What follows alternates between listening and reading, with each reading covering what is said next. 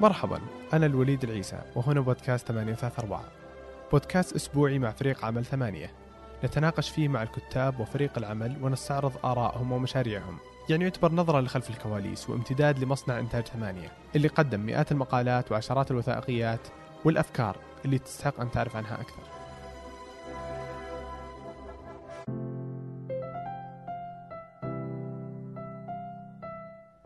أهلا.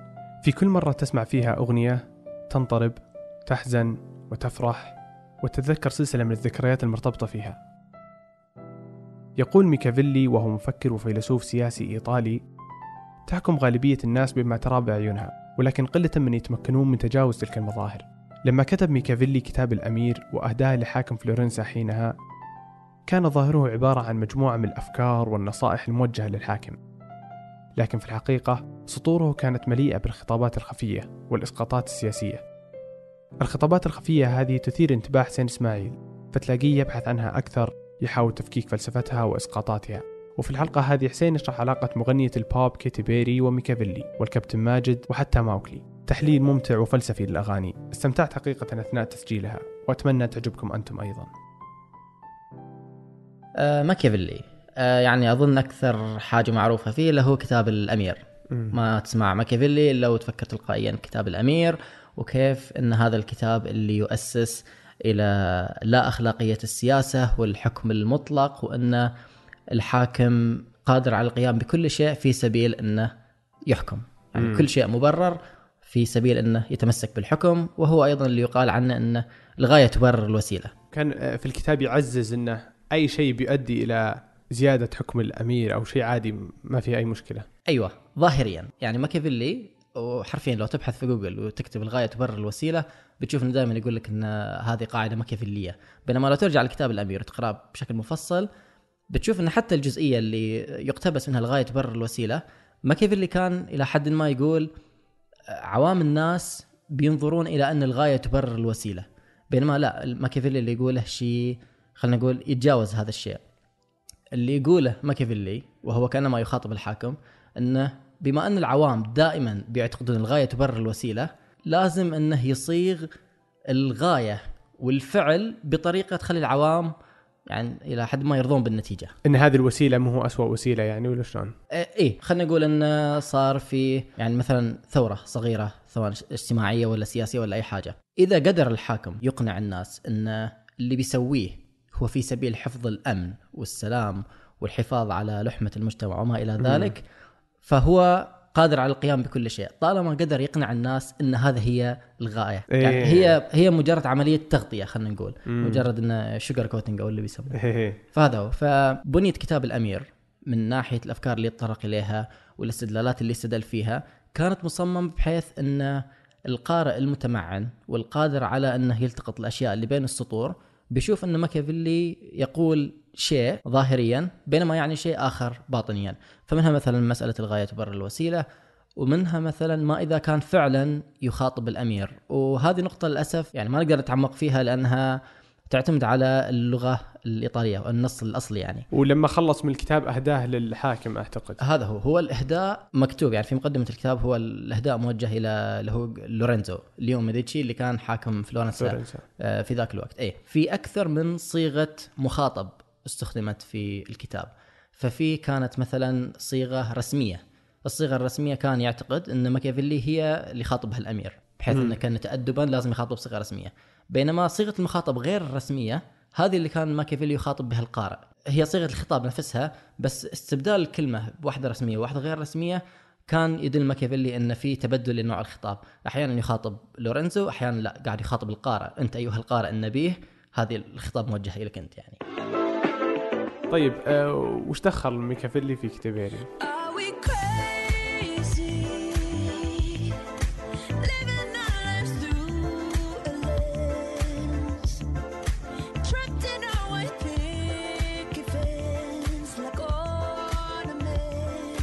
أول ما سمعت أغنية كاتي بيري كنت استانس فيها، كنت أسوق السيارة وحرفيا أتذكر يعني جلست تقريبا أسبوعين وأنا أسمع الأغنية بدون ما أدري وش اللي قاعد تقوله. فيوم من الأيام وعادة هذا الشيء يعني يتكرر مع أكثر من أغنية اقرر إنه okay خلاص الحين لازم أعرف وش اللي قاعدة تقول هي عشان لو بغيت إني أرد وياها. يعني في مصطلحات بالنسبة لي كانت زي اللي okay ليش يعني كاتي بيري قاعد تستخدمها لما قالت مثلا يوتوبيا ولما قالت distortion ولما we live in bubble أيوه living in bubble وال white picket fence فجأة حسيت ان لا لحظة هذه مو كاتي بيري اللي كنت أسمعها من قبل يعني. والله وقعدت أشوف, أشوف ال lyrics وأشيك الكلمات وكل حاجة وشفت إنه لا والله كانت أغنية ذكية يعني.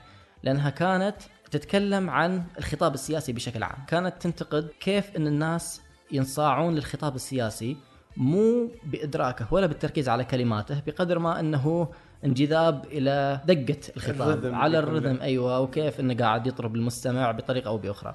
فهي في الأغنية كانت تطبق نفس الشيء.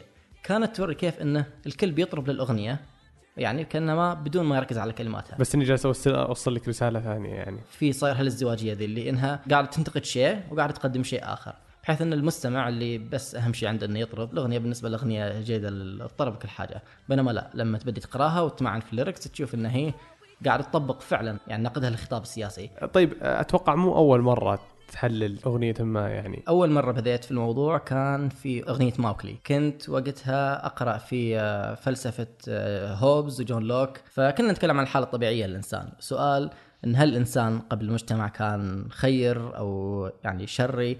وما هي طبيعة الحياة قبل المجتمع؟ وهل المجتمع يهدف إلى جعل حياة الأفراد أفضل وما إلى ذلك؟ والقوانين الموضوعة. أيوه بالضبط. وما علاقة القوانين وكيف يعني مسألة إن تبدأ القوانين. فما أدري وش اللي جاب أغنية ماوكلي على بالي.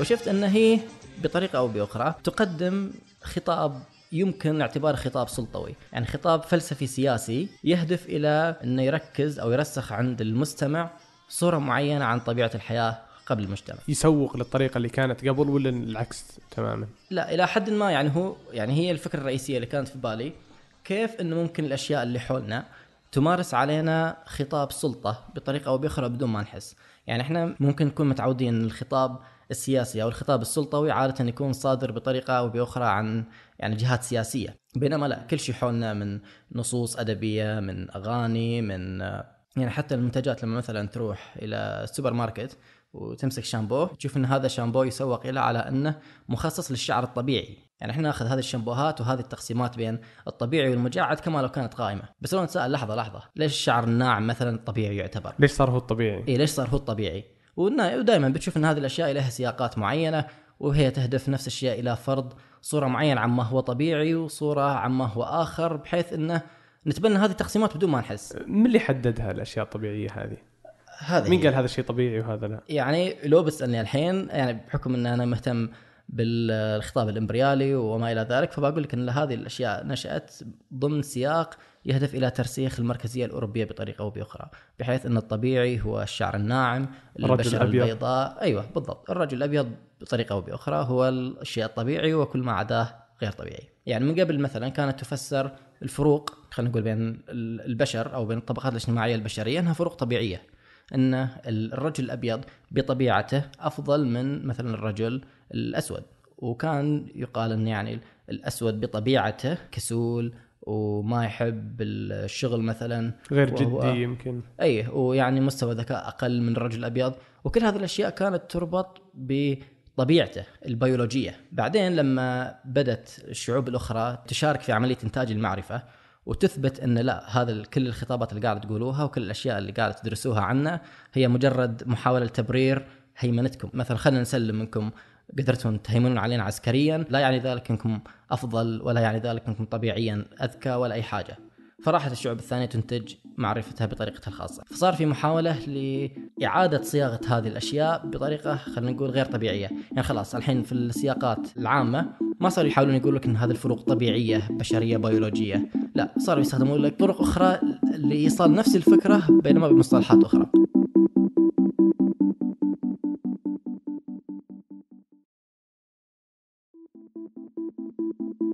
لو نرجع الحين لأغنية موكلي كنت أقول إنه أغنية موكلي برغم إنها أغنية كرتونية وكنا نشاهدها من يوم إحنا صغار يعني هي بالضرورة خطاب سلطوي. هو خطاب يعني يمارس سلطة علينا سواء كنا نشعر بها أم لا. هي في البداية تتكلم عن قانون قانون الغابة القانون اللي يسبق وجود المجتمعات. فهي تتكلم عن حالة الإنسان قبل المجتمع. لا ظلم ولا خوف ولا غدر ولا احسان أيوه بالضبط. الأغنية تقول إن الإنسان قبل المجتمع كان إنسان خير كان يعيش في حالة سلام.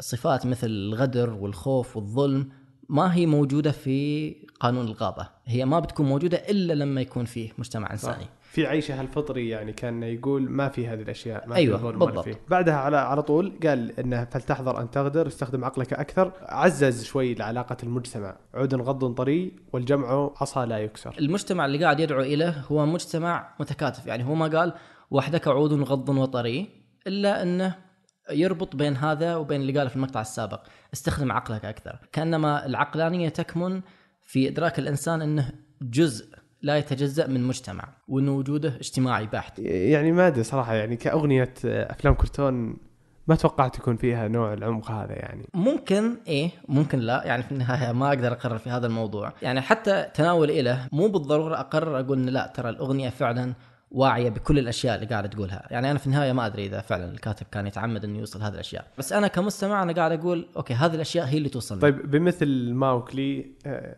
قد تكلمت عن الكابتن رابح والكابتن ماجد. أول شيء أنت مع أي فريق؟ أنا مع الكابتن ماجد. وأحس إن الكابتن ماجد بالعكس هو اللي كان ممتع في اللعب وممتع في التكتيك. مو أناني. بالضبط وما هو اناني كيف قدرت تفرق بين كابتن رابح والكابتن ماجد؟ هو التفرق على مستوى الأغنية. فاللي قلته إن أغنية الكابتن رابح تبجل الفرد ولو تشوف كلمات الأغنية كلها تتمحور حول شخص كابتن رابح. حتى ذكر اللاعبين الآخرين أو زملائه في الفريق في النهاية يرجعون بالموضوع إلى كابتن رابح.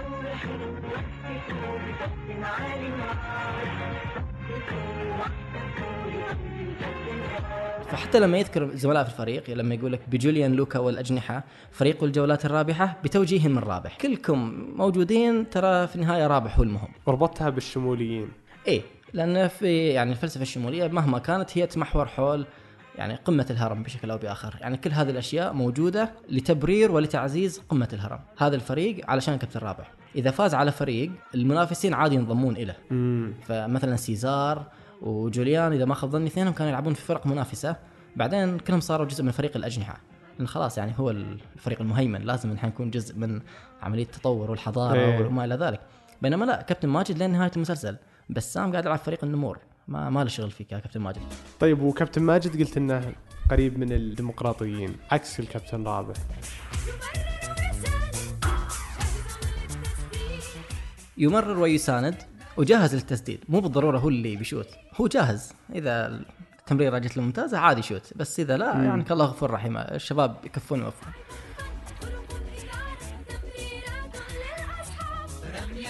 إحنا قاعدين نتكلم عن نفس الشيء. ماجد بكونه جزء من الفريق اللي قاعد يلعب فيه. هو جزء من منظومة من 11 لاعب كلهم يهدفون إلى الفوز.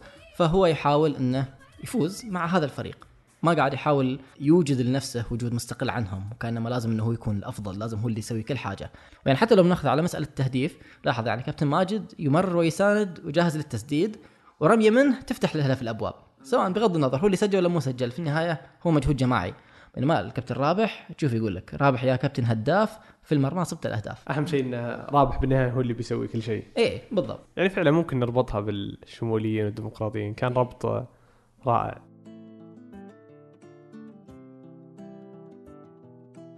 يعني أنا من قبل نشرت بشكل بسيط عن بوكيمون وكيف إن بوكيمون آه، تؤسس إلى إن مسألة الاستعباد مسألة طبيعية. هو البوكيمون الحين مثلا. يعني أنا كنت أفكر يوم أنا صغير إن البوكيمون هي بديل الحيوانات في عالم البوكيمون نفسه. مم. يعني ما في حيوانات في بوكيمون. بس لما أفكر في الموضوع إنه لا كان في حيوانات. يعني أول حاجة دائما لما تشوفهم يأكلون في لحوم موجودة. ما اظن انها كانت لحوم بوكيمون. كانت في لحوم مخلوقات إيه. أخرى. فالحين كنت اتساءل عن العلاقة بين البشر والبوكيمون. يعني من خلال كلمات الأغنية ومن وإحنا صغار تشوف انه اللي يبغى يصير بوكيمون ماستر لازم انه يحاول يجمع أكبر قدر من البوكيمونات وانه يكون الأفضل انه يكون الأقوى انه يقدر يدرب بوكيموناته إنها تنافس. وتدافع عنه وتلعب أفضل. أيوه بالضبط. فهي متمحورة حول فرد يحاول إن يجمع البوكيمونات لسبب أو لآخر. يعني آش كانوا يصورون في المسلسل إنه تقدر تقول إنساني. إنه هو يجمع يعني هو صحيح يجمع البوكيمونات وقاعد يمارس الاستعباد بس هو السيد الطيب اللي ما عنده مانع يحرر بوكيموناته زي ما حرر مثلا تشاريزارد علشان إنه آه، يتدرب بشكل أفضل. يعني جاري ما كان عنده رحمة.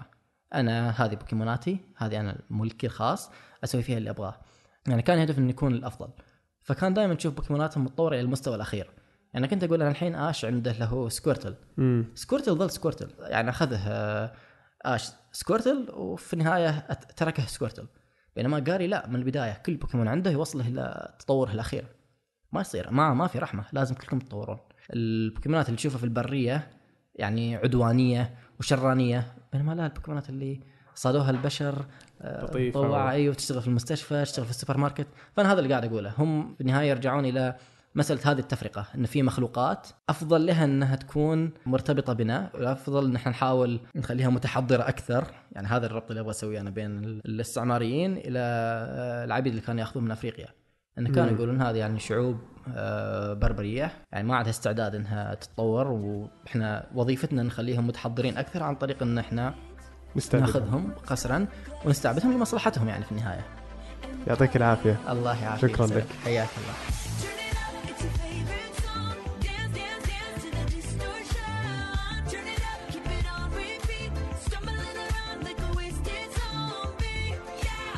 يمكنكم إيجاد جميع ما ذكر في وصف. We're موعدنا الأسبوع القادم